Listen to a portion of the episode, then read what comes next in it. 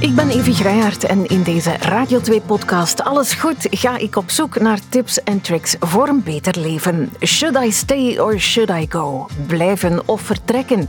Zo eenvoudig is de keuze natuurlijk niet als je in een relatie zit en zeker niet als je al kinderen samen hebt, een huis, een zaak of andere gemeenschappelijke projecten hebt. Wat doe je dan als je twijfelt of zeker bent, maar de stap misschien niet durft zetten? Ik praat erover met seksuologe Chloe de Bie en Anne Rijmen is mijn podcastvriendin en ik hoop dat beiden besluiten te blijven tot op het einde van deze aflevering. Ik twijfel al. Nee, nee, ik blijf. De deur is op slot, Anne.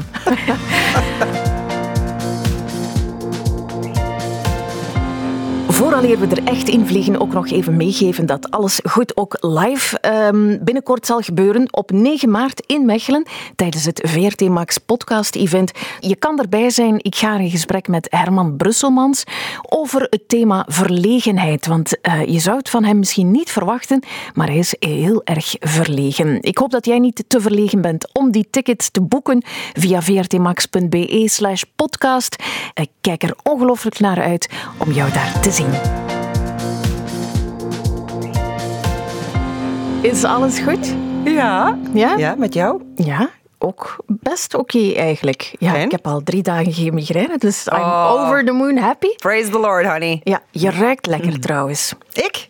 Ja. Ja, dank je. Ja. Dank je. Ja, het is fijn- belangrijk. Ik weet dat jij dat ook leuk vindt, dat ik lekker ruik. Ja. Ehm, Chloe, ik sta niet dicht genoeg bij jou om Nee. te ruiken hoe jij ruikt. Ik zou moeten ruiken naar vanille, want ik heb Zal altijd ik een vanilleparfum Ja. aan. En nu zo, eh.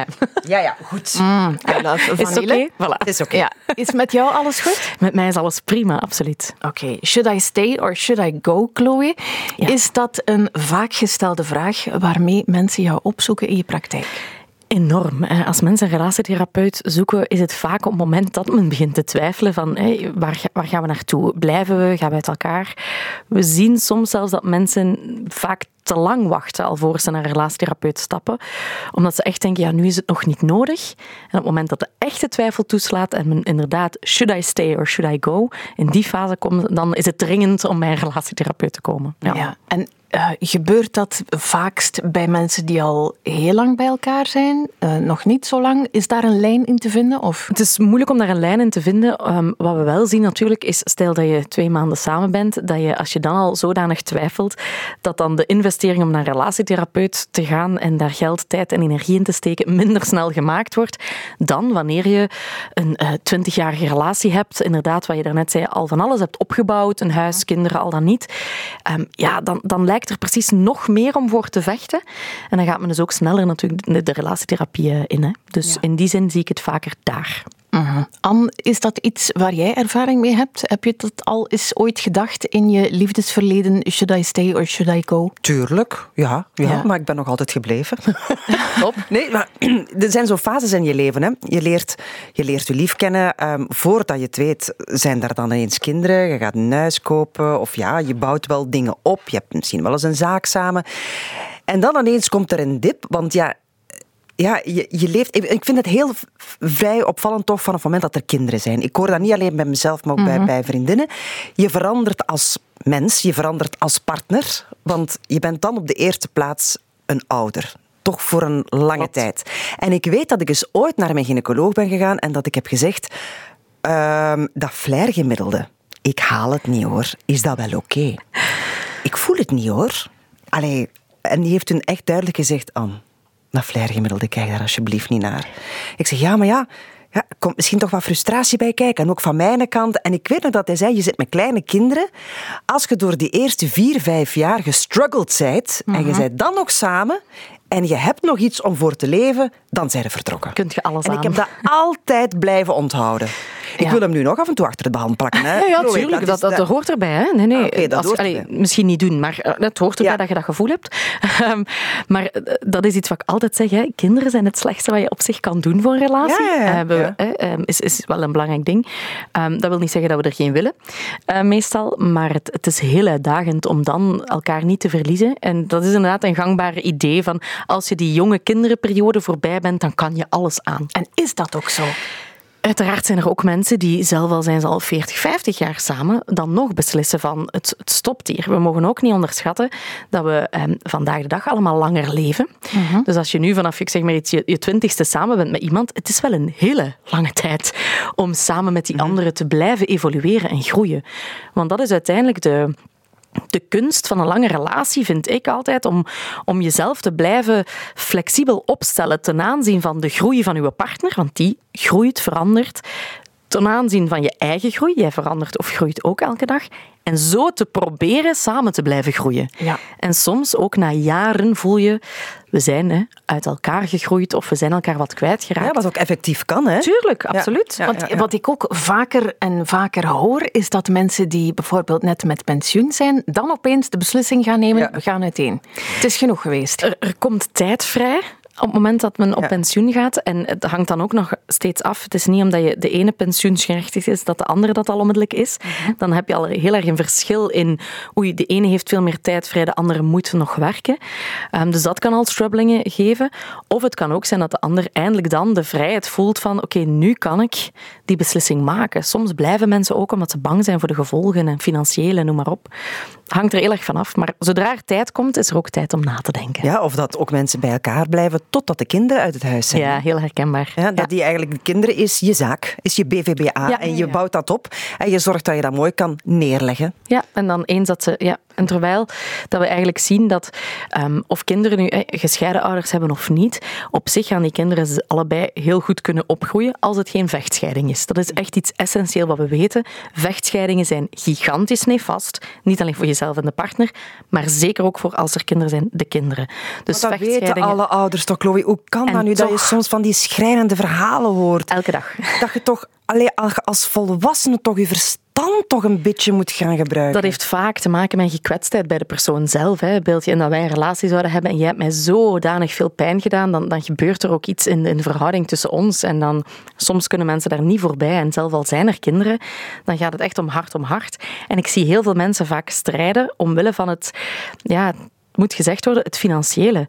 Mhm. Eh, we zien nog steeds dat meer vrouwen uit heteroseksuele relaties soms in de armoede zelf belanden ja, op het moment dat ze scheiden. Maar het is daarom ook dat mensen soms ook te lang bij een partner blijven natuurlijk. Ja, zeker vroeger toch, hè? die, die, generatie vrouwen die ja, die maar nog steeds. Ja, ik denk ook nog altijd. Hè? Wel, het wordt onderschat, denk ik. Ik ja, denk, uh, enorm. Vechtscheidingen, dat dat ook nog een apart topic voor een podcast kan zijn. Zeker. En misschien noodzakelijk is. Um, maar mag ik misschien nog even de Clash uh, citeren? Uh, if I go, there will be trouble. And if I stay, it will be double. Een dilemma dus. Ja, maar ik denk zo... Kijk, je hoort dat wel eens... Ja, een andere... Dat, dan gaat hetzelfde tegenkomen. Of het gras is niet groener aan de andere kant. Of daar moet ook de vuilniszakken op den duur gaan buiten zetten. Het is overal iets. Het is overal iets. Hè? Dus je hoort dat wel, maar die hele grote verliefdheid die is uiteraard na een paar maanden weg. Ik ik denk wel Klopt. wetenschappelijk bewezen dat is gedaan. En je moet niet trouble hebben om uit elkaar te gaan, denk ik. Er moet niet altijd een ruzie zijn of, of, of ja, om, om te beslissen van, kijk, wij gaan uit elkaar. Misschien wel even goed om zo even een paar hoofdredenen op te sommen. Mhm. Waarom gaan mensen uit elkaar? Wel, we hebben, uh, ik, ik, kijk hier op mijn speakbriefje, want cijfers dat is nooit mijn sterkste kant om dat te onthouden, dus ik heb mijn speakbriefje mee. Um, als we kijken in de wetenschap van wat, wat geven mensen aan als goede redenen om uit elkaar te gaan, of wat is hun reden om te beslissen het stopt, dan staat op nummer 1 dat 47% zegt er is een gebrek aan liefde en intimiteit. Dus ja, dat gaat ook over seks, maar niet alleen over seks. Warmte. Warmte, eh, verbinding, genegenheid. we, we, die intimiteit tussen ons, we leven naast elkaar, broer en zus, we, we hebben die connectie meer. Dat is dus de, uh, de hoofdreden. De tweede is een heel typische communicatieproblemen. Mhm. We kunnen niet praten, is één. Of er is altijd conflict, of er is continu een gevoel van spanning. Ik moet op eieren lopen om te kunnen zijn wie ik ben. Een derde reden is gebrek aan respect of vertrouwen. Dat heeft ook te maken met ontrouw. Uh, met het vertrouwen is geschonden omwille van een buitenechtelijke relatie. Dat klinkt zo groot, hè? Maar, um, dus dat heeft te maken met vertrouwen. En de vierde reden is wel degelijk, we zijn uit elkaar gegroeid. We hebben andere toekomstperspectieven, we hebben andere waarden en normen gekregen door in het leven. En we zijn daar niet zo compatibel meer in. Maar als je kijkt naar die eerste reden, wat je net zei, van we leven eigenlijk een beetje als broer en zus. Ja. Is dat dan zo erg? Voor blijkbaar veel mensen wel. Dus dat veel mensen zeggen, ik wil niet de rest van mijn leven dit missen, dit stukje afgeven. Maar is het zo dat als je dan um, eruit stapt en je begint iets met iemand anders, ja, na een tijd zit je dan toch wel ook weer in hetzelfde. dat is het stukje hè, wat jij dan net ook zei: van hè, liefde of verliefdheid gaat over. Hè. Ja, chemisch gezien gaat verliefdheid over. Mhm. Nu, er zijn nog altijd koppels die na 30 jaar zeggen: we zijn nog altijd zo verliefd als toen. Wow, is dat, dan echt waar? Dat is liefde. Dat is gewoon een andere concept rond hoe ze verliefdheid zien of ervaren. Um, het is natuurlijk zo dat vanzelfsprekendheid is de grootste bedreiging van elke relatie. Dus als je niet gaat identificeren van wat is hier tussen ons moeizaam gegaan of wat is ook jouw eigen bijdrage in dat verhaal, het is nooit enkel de ander. Als je dat niet kan, dan ga je uiteraard in de volgende relatie op een of andere manier in hetzelfde belanden.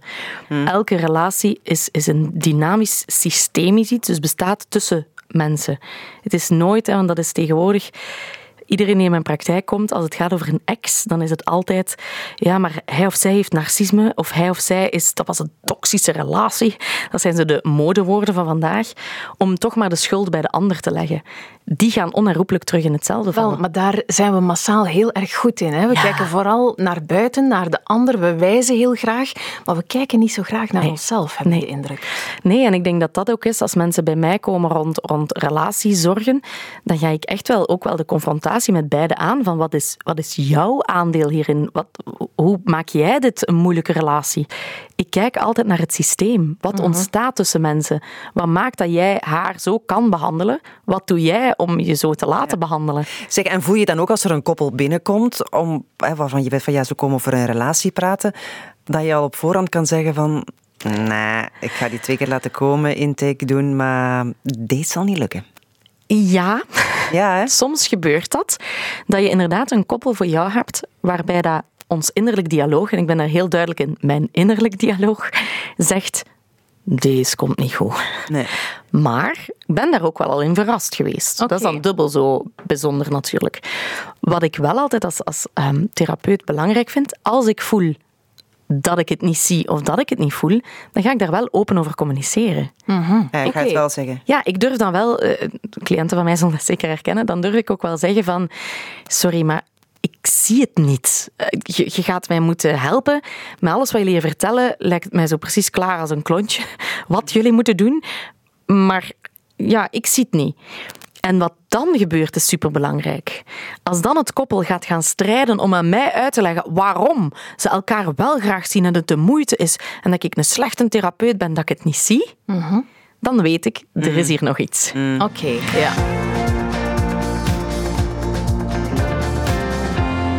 Zeg, en bestaat er zo een vragenlijstje dat je kan afvinken uh, bij jezelf? Zo van, um, uh, zie ik mijn partner eh, nog graag genoeg om bij te blijven. Ja, zo de flair-test. Oh, ja, of de, gelijk in de Joepie vroeger. Ja, ik ken de Joepie. Ik ben opgegroeid met de Joepie.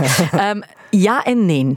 Nee, er is geen uitsluitende test die je kan invullen die dan op het einde jou heel duidelijk gaat zeggen ga maar weg. Hè. Of nee, het is de moeite om te blijven. Uh-huh. Wat ik wel ook in mijn boek heb opgenomen, is inderdaad een heel uitgebreide vragenlijst, maar met open vragen.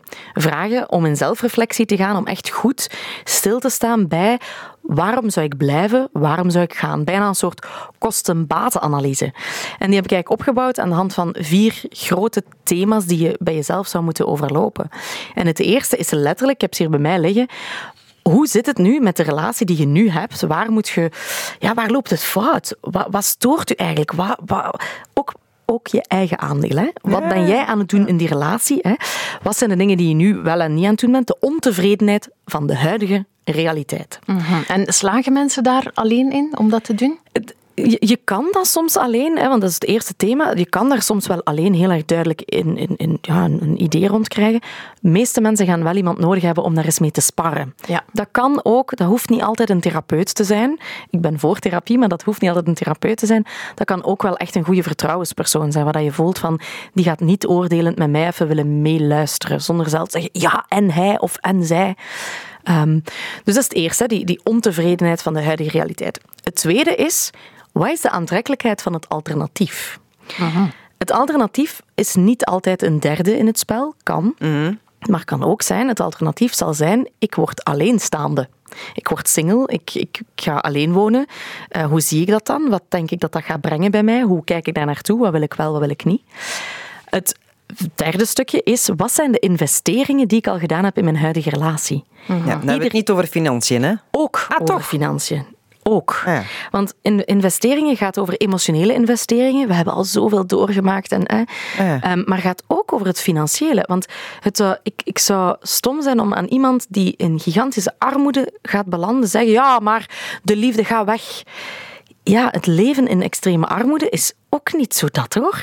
Soms gaat het bijna over, en ik weet dat ik nu heel erg een beetje controversieel ben misschien daarin, maar soms is het dan zoeken hoe kunnen we vermijden dat je in armoede terechtkomt. Wat heb je nodig? Eerst je netwerk wat opbouwen, eerst steun voor je weggaat. Voor je weggaat. Echt zo met voorbedachte raden. Ja, en dat, dat, is, dat is om mensen te beschermen. Het, het is geen goed idee om om zomaar te vertrekken zonder plan. Ja, ja ik snap hem. Ja. dus uh, wel voor, met voorbedachte raad of zo. Um, en het vierde stukje, dus die investeringen, waar heb je al, dat gaat over kinderen, financieel, emotioneel. En het vierde wat mensen vaak vergeten, omdat op dat moment voel je je niet goed in de relatie, want je twijfelt, is om even heel goed stil te staan bij waarom is die relatie wel goed? Waarom ben ik verliefd geworden op die partner? Wat brengt hij of zij wel nog in mijn leven? Het is nooit alleen maar slecht. Mhm, oké. En als je die analyse dan gedaan hebt voor jezelf, als je die helemaal, want ik zeg het, er zijn duizenden vragen die daarbij uh, in onderverdeeld zijn. Als je die allemaal heel erg op een rij gezet hebt, het gekke is, dan ga je zo met je buikgevoel meestal wel voelen wat je wil doen. En uh, er is ook zoiets als de, de muntstuktheorie. Ik weet niet, het, het muntstuk, een euro. Hè? Ja? ja. Eigenlijk, als je echt twijfelt, should I stay or should I go? Ik doe dat soms in mijn praktijk ook. Dan geef ik een muntstuk en dan zeg ik, oké, uh, we gaan het lot laten beslissen. Hè? Ah ja, en als het lot dan anders beslist, dat je dan twijfelt. Ja. Uiteraard gaat het niet over hoe dat muntstuk valt.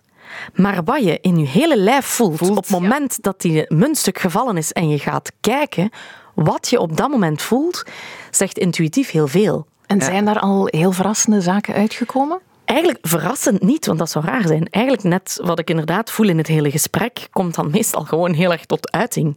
En, en, en soms heb je mensen die bij de relatietherapeut komen om op zoek te gaan naar een toestemming om weg te gaan. Ja, ja. ja. En die komen een heel verhaal vertellen en dan op het einde kijken ze naar jou en zeggen ze en, wat vind je dat ik moet doen als je dat allemaal hoort? Uh ja. Meestal zeg ik dan, goh, Ehm, moest ik dit gesprek opgenomen hebben en ik zou jou dat opnieuw laten beluisteren, dan heb ik het gevoel dat je het al weet. Ja. Ja, ja, nu, ik denk soms dat uit elkaar gaan um, op korte termijn een fijne of fijnere optie kan zijn, maar dat niet altijd is op lange termijn. Of zie ik dat fout? En in, in welke zin bedoel je dat dan, even? Ja, dat, dat mensen in een moeilijke situatie zitten, um, dat ze niet meer communiceren met elkaar, dat er um, misschien een soort angstregime thuis heerst uh, en dat ze denken van ik wil hier gewoon weg op korte termijn, dus ik ga weg. Maar dat er met de juiste communicatie of iets anders, dat het gewoon perfect een perfecte relatie kan zijn. En dat je op lange termijn eigenlijk misschien nog, beter, uh, nog slechter af bent dan. Dat kan uiteraard. Hè. Um, uiteraard zijn er mensen die, um, ja, ik weet niet of ik het zo mag noemen, maar te snel opgeven. Of die een idee hebben van oei, onze relatie zit niet goed, dus ik moet weg. Uh, we zien dat vandaag de dag iets meer dan vroeger. Vroeger hè, was dat ondenkbaar bijna dat je weg zou gaan. Nee, nee, het is tot de dood ontscheidt. Ook niet, niet goed, hè? Voilà, ja, nee, natuurlijk niet. Het ene uiterste is nooit beter dan het andere uiterste. Maar wat we vandaag zien is soms, ik noem dat een beetje de, de bol.com-cultuur. Het is niet goed, Goh, uh, buiten en morgen heb ik wel een ander. En als ik wat geld betaal, heb ik morgen wel een andere partner.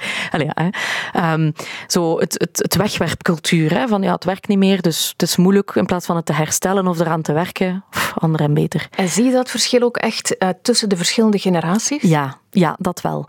Uh, ik zie inderdaad uh, jonge mensen iets sneller zeggen: ja, het is dat zo moest zijn, ander en beter, het gaat niet goed. Maar hebben ze dan al kinderen? Soms wel, niet altijd. Het is wel een feit dat, daar zeg je zoiets, heel veel mensen zeggen, moesten er geen kinderen geweest zijn, ja, ja. Ja, ja, ja. was ik al weg. Omdat je natuurlijk het geluk van je kinderen voorop zet. Ja, maar de vraag is, waar zijn kinderen gelukkig van? Hè? Van ouders hebben die duidelijk niet meer overeenkomen, maar wel samen blijven of van ouders die uit elkaar gaan en gelukkig proberen worden.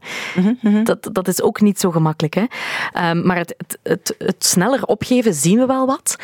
Um, en ik zie vaak dat inderdaad de oudere generatie nog meer die toestemming zoekt van het is oké okay om ook te stoppen, om uit elkaar te gaan.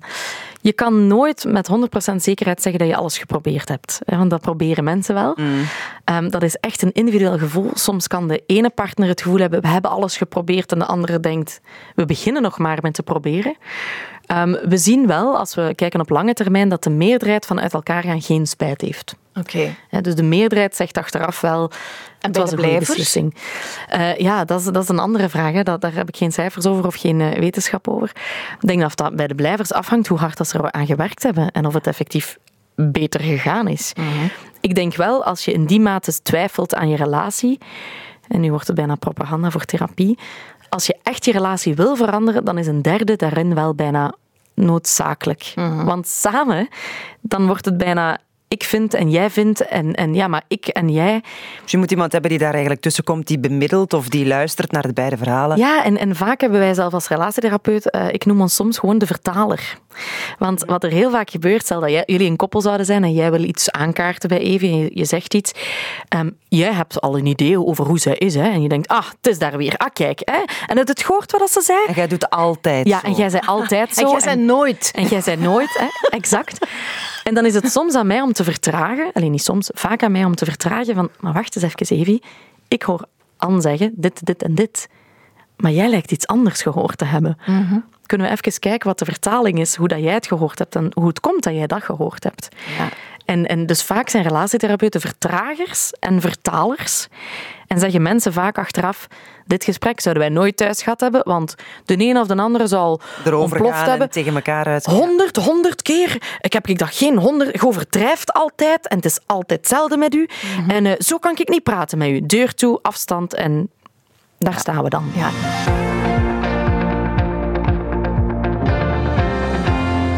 Jij zegt ook in je boek, werken aan een relatie is fijn. Ja. Wat, wat bedoel je daarmee? Dat zou fijn moeten zijn. Wat bedoel ik daarmee? Is dat ehm, als je allebei het doel voor ogen hebt om je relatie beter te maken, dan kan werken aan je relatie, die positieve, leuke momenten terugcreëren, verbinding zoeken, dan kan niet anders dan leuk zijn. Je bent op een bepaald moment wel ook op elkaar verliefd geworden. Je vindt elkaar wel leuk, hè? Dus het is opnieuw zoeken naar die leuke dingen en dan is dat tof. Maar, kanttekening, Altijd goed als je maar zegt. Inderdaad. Uiteraard ehm, is werken aan je relatie soms ook wel heel confronterend of heel erg pijnlijk, omdat er stukken zijn die ook moeten besproken worden. Maar als je weet dat je hetzelfde doel hebt, namelijk terug die liefde voelen, terugzien wat er wel is tussen jullie, dan kan dat alleen maar beter worden. Maar meestal wordt het eerst een beetje slechter.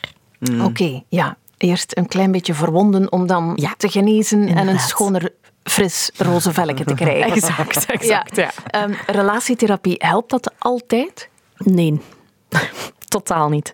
Ehm, wat bedoel ik met totaal niet? Ehm, relatietherapie is niet voor iedereen. Relatietherapie, de meeste relatietherapie, is praten. Er zijn soms mensen die zeggen, ja, praten, praten, praten. Ehm, misschien moeten we gewoon wat meer leuke dingen doen samen. Hè? Meer inzetten op die positieve verbinding, eerder dan hier te komen zitten en het weer over het negatieve te hebben. Ja. Hè? Uiteraard proberen we wel positief te zijn ook, maar je komt niet naar een relatietherapeut om het alleen te hebben over de leuke en fijne dingen. Ehm, dus ik heb soms ook al aan een koppel gezegd van kijk, ehm, nee, ik geef jullie geen nieuwe afspraak. En dan zie je ze zo kijken, eh, wat? Why? Wat, hè, wat hebben we verkeerd Ja. gedaan? Ik zeg, ik zou willen dat je een eh, fictieve afspraak met mij inplant, maar je gaat die tijd gewoon samen iets leuks doen. Ze hebben geen Ah, tijd ja, om ja. samen iets te doen, maar ze hebben wel tijd om bij mij te komen. Ja, Ah, dat is een goed plan. Ja, En dan leuk. soms zeg ik nee, als dit gaat jullie misschien mogelijk op dit moment veel meer helpen om samen iets nieuws te beleven, nog eens naar de cinema te gaan, eh, op restaurant gewoon te gaan, dan naar hier te komen. Soms is dat wat nodig is. Ja. Ehm, en relatietherapie helpt altijd in de zin, er zal altijd wel iets duidelijk worden. Weet je waar ik nu aan denk? Nu zeg van even dat je tijd maakt om samen op restaurant te gaan. Soms zie je toch wel eens zo'n koppel op restaurant zitten die de hele avond niks tegen elkaar zeggen. Ja. Maar wat vinden we daarvan? Ja, ja ik zou soms denken, oh, goed dat hij mij maar rust laat. maar ik bedoel, is dat... eh, ja, hoe komt dat? Zijn de, zijn de mensen dan uitgepraat? Of misschien zijn die aan het werken aan een relatie, maar zitten ze nog in not a, not a good place. Het kan van alles zijn. Ik denk dat het, ook, dat het soms ook kan zijn dat je twee stille genieters hebt, die gewoon eigenlijk wel in verbinding zitten met elkaar, maar gewoon de woorden niet gebruiken op dat moment. Ik denk dat we snel zoiets vinden van koppels moeten praten. Ik vind het erger als koppels er zitten. Niet zozeer als ze stilzitten en er gewoon zijn. Vind Ja? ik nog niet zo erg. Wat erger is, is als uh, een koppel aan, op restaurant zit ah ja, met hun en ze vast. meer met de gsm of smartphone bezig zijn en meer bezig zijn met het trekken van uh, de, de, de dineken en bijna zelfs, jawel, zitten whatsappen of, of ja, gifjes of, of tiktoks doorsturen naar elkaar eerder dan in het hier en nu te zijn. Dat is nefaster. Doen mensen dat? Aan tafel zitten tegen elkaar en dan, zo whatsappen aan elkaar? Ja, want dan is, dan is het van, hier, eh, ik ga het u doorsturen, hè, je moet dat filmpje zien. Ja, jawel, Ja, echt. nee, nee, nee. Zeg, en Chloe, wat als de ene absoluut wel en de andere totaal niet in therapie wil gaan?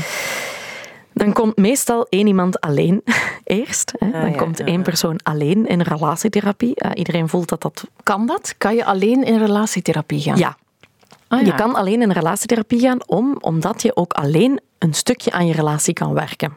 Mhm. Uiteraard kan het, hè, wat we daarnet zeggen, je hebt ook altijd je eigen aandeel. Dus in zelfreflectie gaan, wat doe ik, hoe kan ik eraan werken? Oeh ja, ik reageer inderdaad heel snel met nee. Ik, ik, ja, ik sta precies niet meer open om te horen wat hij of zij zegt. Maar je vertelt natuurlijk, als- als je daar alleen zit, alleen jouw Uiteraard. versie van de feiten. Tuurlijk, tuurlijk. Wij, wij als therapeut worden meegekleurd in ja, het eenzijdige stukje dat we hebben. Nu, ik zeg ook altijd, wij als relatietherapeuten zijn er wel in getraind om ook wel te beseffen dat die andere kant daar is en al genoeg koppels gezien te hebben om te voelen, Ja. dit is hoe jij het nu voelt. Je kan daar iets aan doen als individu. Het nadeel is vaak dat het heel uitputtend kan zijn om alleen aan je relatie te werken. Want als ik eh, bijvoorbeeld iets aangeef van kijk, probeer de volgende keer het op die, op die manier eens te proberen. Als de andere partner van niets weet, gaat hij gewoon hetzelfde reageren als altijd. Ja. En wordt het heel uitslopend. Wat ik meestal probeer, want ik ben echt een relatietherapeut die het liefst het koppel echt bij mij heeft. Als eh, de partner, één partner alleen bij mij zit, dan zeg ik, kijk, vraag aan je partner, of hij of zij, het ziet zitten om één keer mee te komen. Eén keer. Dan kan je nog zien Het nadien. ergste Ja, wat er ja. kan gebeuren is dat hij een beetje geld kwijt is en een uur. Maar wat hij of zij kan winnen, Uh-huh. is wel veel meer. Ik zeg, dat is het enige wat je kan vragen. Eén keer meekomen. En ik ben nu al meer dan tien jaar eh, werkzaam als seksuoloog. En ik heb nog maar één keer gehad... Oh, het was daar nu. nog maar één keer gehad dat een partner na dat ene gesprek beslist om niet meer te komen. Ja. Ja. En die zat dan ook in het hele gesprek met de armen gekruist. En op elke vraag, die ik, en, eh, elke ja. vraag zei hij, dat zijn uw zaken niet. Ah, ja, ja. dan heb ik ook liever dat hij niet komt, want daar Ja, zijn we echt je niks niet mee. door. Nee. Nu, dat was ook heel helder voor die vrouw op dat moment, Ja. hoe Ah, ver ja, dat ze zaten. Tuurlijk. Ja, ja. Chloe, is het altijd zo dat als je te verschillend bent als type persoon, dat je dan sowieso gedoemd bent om vroeg of laat uiteen te gaan? We zeggen meestal, opposites do attract, but they don't last. Hmm. Vonken en vuur. Dat is heel tof voor even. Ik wou het net zeggen, ik zou heel graag nog eens een keer vonken en vuur hebben. Maar dat is nog iets anders. Ja. verliefd zijn. Jongens, toch gewoon weten dat dat niet meer gaat voorvallen, denk ik. Allee, hoop ik voor mijn lief. Ja, maar let op. Het het is niet omdat je in een lange termijnsrelatie zit dat dat misschien niet meer kan. Hè? Dat is nog iets anders. Maar ehm, ehm, we weten inderdaad uit wetenschappelijk onderzoek dat het soort zoekt soort is. Want zelf als je soort zoekt soort hebt, zal je nog vers- genoeg verschillen. Ja. Zelf als je heel gelijkend bent, zullen er nog verschillen zijn. En om een lange termijnsrelatie uit te bouwen, ja, moet je wel eenzelfde visie, waarde, normenkader hebben om naar die toekomst te kunnen werken. Je mag een beetje verschillen. Ah, ik ik eh, eet al, 's middags alleen maar warm en s'avonds niet. Eh, ja, oké, dan zullen we wel een weg in vinden. Dat is niet zo dramatisch. Extravert versus introvert. Kan- kan, ja. kan dat ook? Wat, dat kan op zich wel, als je elkaar een beetje aanvoelt. Je mag ook wel een beetje complementair zijn. Maar waar het vooral belangrijk in is, is die waarden en die normen. Als je daar heel erg in verschilt. Ik, ik maak het nu even duidelijk. Als je iemand bent die heel erg rechtsgezind is in de politiek. en iemand anders die is heel erg linksgezind in de politiek. Dat De- gaat niet. Voilà, iedereen voelt, ja, dat is op lange termijn niet houdbaar. In het begin is dat misschien interessant en passie en amai, zo anders. Maar op den duur ga je je zodanig ergeren. En dan, dan is dat op den duur ook wel zo, ja, fatal attraction. Hè. In het begin vond ik dat spannend, maar nu denk ik eikel. Allee, zo. Of omgekeerd. Hè. Ehm, Dus nee, ga echt op zoek naar de gelijkenis, dan heb je veel meer kans. Ja, of als je wat verschillend bent, leer beter communiceren of anders communiceren met elkaar. Dat kan. Hè. Ik zeg het, dat moet je sowieso doen. Want die verschillen zal je altijd. Maar communiceren moet je toch leren? Want ze zeggen van ja, maar praat met elkaar. Ik lees die boekjes ook allemaal. Hè. Ja. waar dat jullie al die uitleg doen over uh, goede ja, relaties onderhouden. Communiceren, communiceren kan je leren. Maar ik vind dat zo simpel nog niet hoor. Tuurlijk niet, omdat communiceren, eh, als ik daar lezingen over geef, staat op mijn PowerPoint uh, twee keer het woord luisteren. En mensen zeggen soms, mevrouw er staat een fout op je slide. Hè? Er staat twee keer luisteren. Ik zeg, dat is geen fout, dat is heel bewust. Want goed communiceren, goed praten, begint eigenlijk met beter leren luisteren. Van, wat hoor ik nu echt? Mhm. Ehm, en je hebt inderdaad veel boekjes. Uh, nu mijn eerste boek, En ze leefde nog lang en gelukkig, daar staat het iets concreter in. Hoe moet je dat dan doen, goed communiceren? Want ik vind dat ook vaak ah ja, heel vaag. Dat in een boek, maar ik lees dat dan in de magazines. Ah ja, ja ik doe mijn best dan moet dat snel, snel uit. Ik doe mijn best. En dan zeg ik, ah ja, communiceren, ja, ja. ja. Zeg, en uh, luisteren staat daar ook uitgebreid in Klopt. Ja, ja, omdat het gaat over de, de, de kern die ik misschien daarin kan meegeven, is we moeten veel meer therapeutisch luisteren. En wat is therapeutisch luisteren? Dat is iets wat therapeuten vaak goed geleerd hebben. Dat is door heel vaak, dat is heel lastig, maar heel vaak te herhalen wat je gehoord hebt in je eigen woorden. Wat je partner zegt? Ja, bijvoorbeeld... Wacht, ehm, ik zal een voorbeeld geven. Ja. Uh, wacht. Uh, uh, Oké, de papieren zakdoekjes mogen niet bij het papier. Je gooit al 15 jaar je papieren zakdoekjes bij het papier. Dus dat je dan na 15 jaar terug zo een snotvatje oppakt en je zegt godverdomme, als ik nog ene keer dat papieren zakdoekje bij... Hoort je niet wat ik zeg of wat? Tegen wie ben ik hier aan het praten? Geef maar een voorbeeld. Ja, ik denk dat dan zeker... Een fictief voorbeeld, Snap, duidelijk. duidelijk. Je voelde zo de, de echte authenticiteit heel ook goed voelbaar. Acteren, ja. Ah, ja, ja, ja. Oké. Ja, wat we daar hebben, is dat je eigenlijk al een probleem hebt in de zin dat er van in het begin niet goed genoeg gecommuniceerd is. Want anders zou het zich dan niet meer stellen. Hoe vaak moet je het zeggen, Chloe? Ja, maar wacht. Ga dan beginnen turven zo. Hè. Ah, het, het, gaat over, um, dat gaat over het verschil in erger, dat, gaat, dat, is, dat is ergernissen. Dat is niet wat jij bedoelt met communicatie dan? Ja en nee. Uit, wacht, hè. uiteraard. een voorbeeld het van voorbeeld, therapeutisch luisteren ja. gingen we eigenlijk Ja, wel. Doen, hè? Als je een voorbeeld van therapeutisch luisteren zou willen doen, mogen je nog niet in het conflict zitten, want dan zijn je al heel ver. Je zit al te ver aan. Je zit al te ver. Communiceren begint daarvoor al. Communiceren begint bij... Um, bijvoorbeeld, in jouw voorbeeld... Ah ja, ja, uh, zeg schat, uh, gooit die vuile zakdoekjes keer bij het papier. Hè uw partner die daar misschien niet mee bezig is of dat totaal niet belangrijk vindt, die heeft dat ook gewoon niet gehoord. Die ziet u graag, maar die heeft dat niet gehoord. En die, de volgende keer is die gewoon achterloos daar weer mee bezig. Therapeutisch zou luisteren, zou willen zijn van oké schat, kijk maar wacht. Um, ik hoor je nu zeggen dat je graag hebt dat die papieren zakdoekjes bij papier hè, zouden moeten belanden. Niet mogen belanden, ja. Niet mogen belanden. Ah, kijk, Pas op wat dat gezegd oh, ja, nee, oh, nee.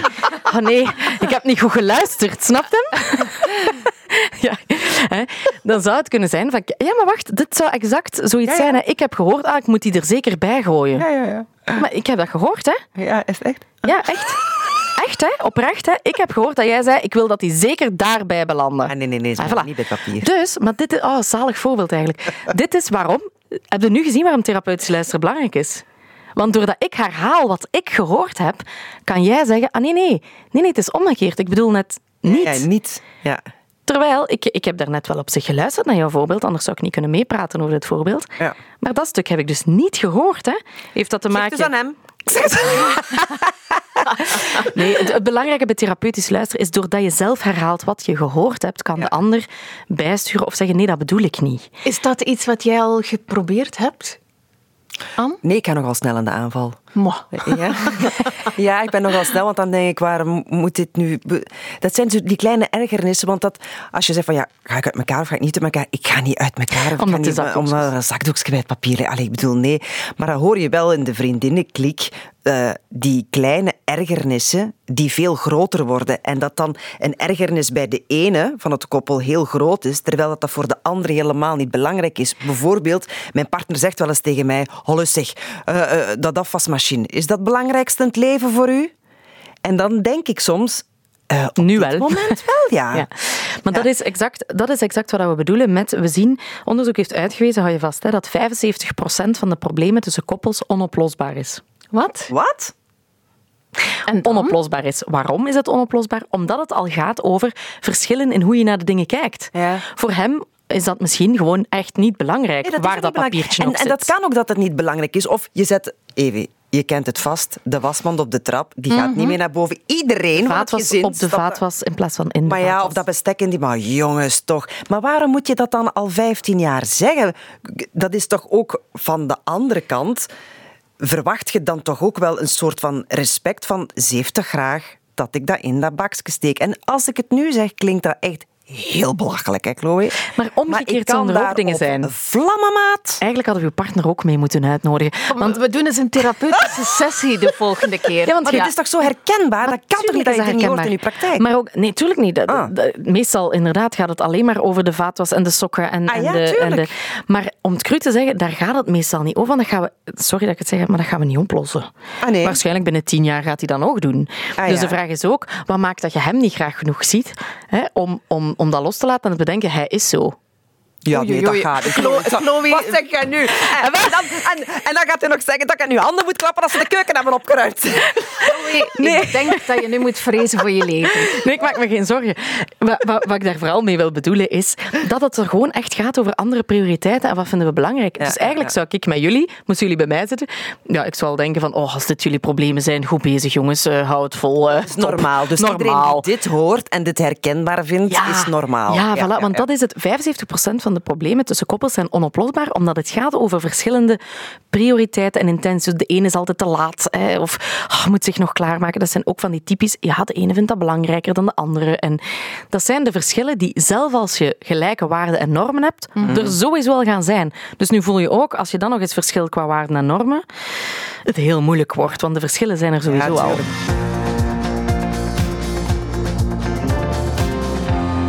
Wij hebben die struggles eh, uiteraard ook. Wij zijn ook heel erg verschillend.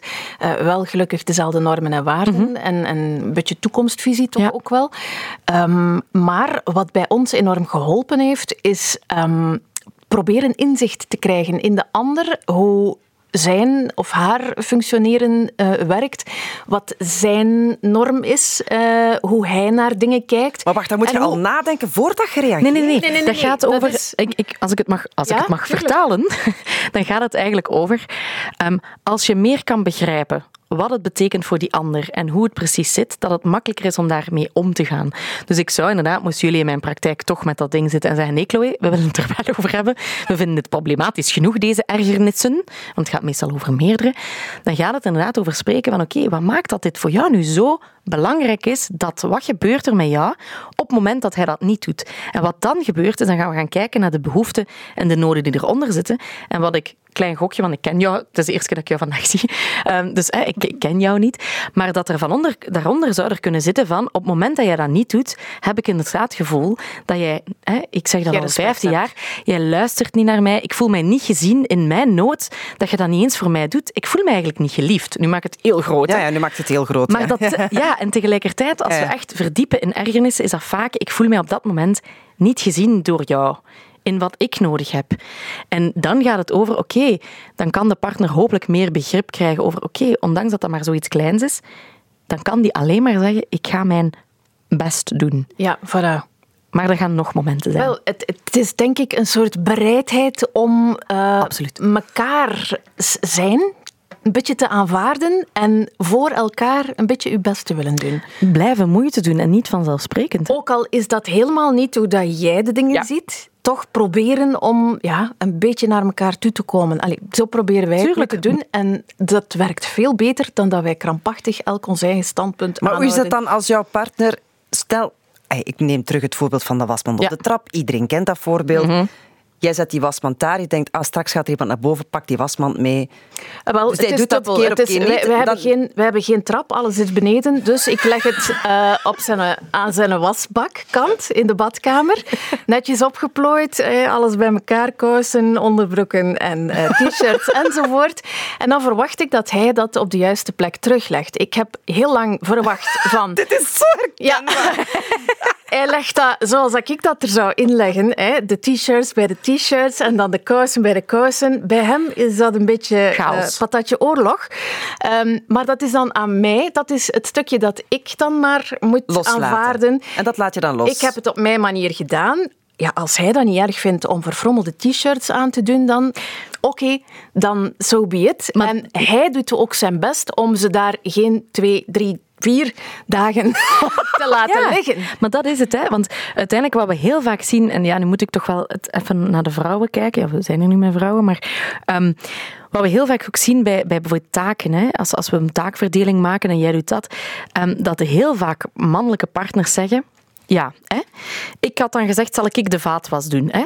Ja, dan krijg ik, begin, het is, het- mijn bord zit nog niet in die vaatwas, of krijg, maar gaat dat daar toch niet steken? Allee, doe dan een keer zo. Ja, één, één taak, één kapitein. Anders komen er ook problemen. Het gaat ook over loslaten dat de ander het op een Ja, andere manier waar. doet. Ja, En ja, af en toe ook gewoon plezier hebben in het feit van dat je een keer een cadeautje geeft aan de ander. liefde tonen, eh, ergernissen tegengaan kan je ook doen door meer in te zetten op verbinding. Je gaat veel meer om kunnen met die wasmand die blijft staan op het moment dat je de avond ervoor een fantastische avond hebt gehad. Ja, maar ik dat bedoel ook ook, cadeautje sorry. geven in de zin van, Ah. ik weet dat zij dat graag heeft, dus ik ga nu een keer mijn best Extra, doen. Ik ga dat nu ja. een keer doen. Ik ga dat misschien niet altijd Ja. Maar je gaat dat wel een applaus moeten geven, hè, Evie, dat weet je toch, hè? Ja. Dat je dan moet zeggen, ah, je hebt de keuken opgeruimd. Wauw. Wauw. Soms wel, maar oefening baart wel kunst, heb ik gemerkt. Ja. Alles is trainbaar. Ja. Alles is stress. Zelfs mannen. En vrouwen. Want En geloof me, de vrouwen ook, kunnen er ook wat van. Het zijn dan Ja, andere het is- dingen, maar... eh, Het is een grapje natuurlijk. tuurlijk, hè. tuurlijk. Ehm, heb je nog eh, een ultieme goede raad, eh, Chloe, voor koppels die zouden twijfelen, should I stay or should I go? Ik denk vooral eh, nooit in grote emoties beslissingen nemen. Ehm, laat Ah, ja. altijd alles bezinken. Hè, eh, we hebben altijd het idee, als dat zou gebeuren, dan eh, staat hem met zijn klikken en zijn klakken, zeggen we in het Gens, eh, buiten. Nee, laat altijd de grote emotie eerst afzwakken. Ehm, durf echt wel die kostenbatenanalyse voor jezelf helemaal te gaan doen. Niet om dan te beslissen, ah, het is duidelijk, maar omdat je het dan gaat voelen wat er nodig is. En voor de rest, neem ook wel steun en netwerk om die beslissing eh, gedragen te kunnen nemen. En therapie kan altijd helpen op een bepaalde manier. Zag ik net even je oogstjes blinken aan toen. Om seksuoloog te worden. Ja. Nee, niet zo. Maar ik wil misschien wel iets aan toevoegen. Ik heb zo'n vriendin en, en, we zien elkaar zo om de, twee, om de twee weken. En dan dat wordt er, dat is eigenlijk het klaag- en zaaguurtje. Ja.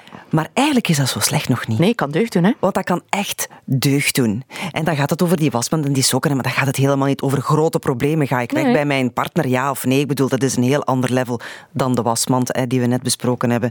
Eh, wil ik daar zelfs niet mee vergelijken. Maar even zo ranten tegen elkaar, dat is zo slecht nog niet. Nee, ik bedoel, eh, soms, hè, we zitten nu ook soms zo in het, hè, we mogen niet klagen, we mogen niet zagen. Ja, wel, doe dat maar een keer. Wel, eigenlijk weten we dat dat ook wel een ventilatiemoment Ja. kan helpen om net eh, de, de, de, ja, de stoom van de ketel even te halen, zodat je weer verder kunt.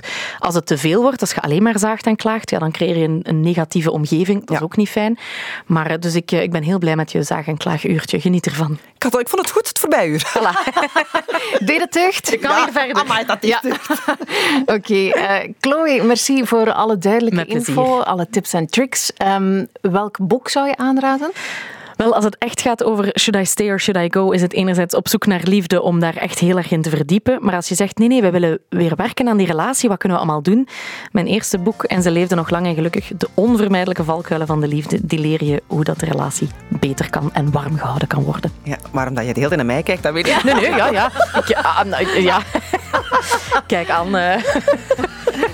Eh, Anne, ik onthoud vooral dat de papieren zakdoeken niet bij het papier Ja, mogen. nee, dat mag niet. Voilà, zolang ik dat doe, dan ga je blijven als podcastvriendin, toch? Dat is fijn, ja. Oké, ja goed. En nee, ook na deze aflevering is niet alles goed, maar hopelijk toch weer een beetje beter.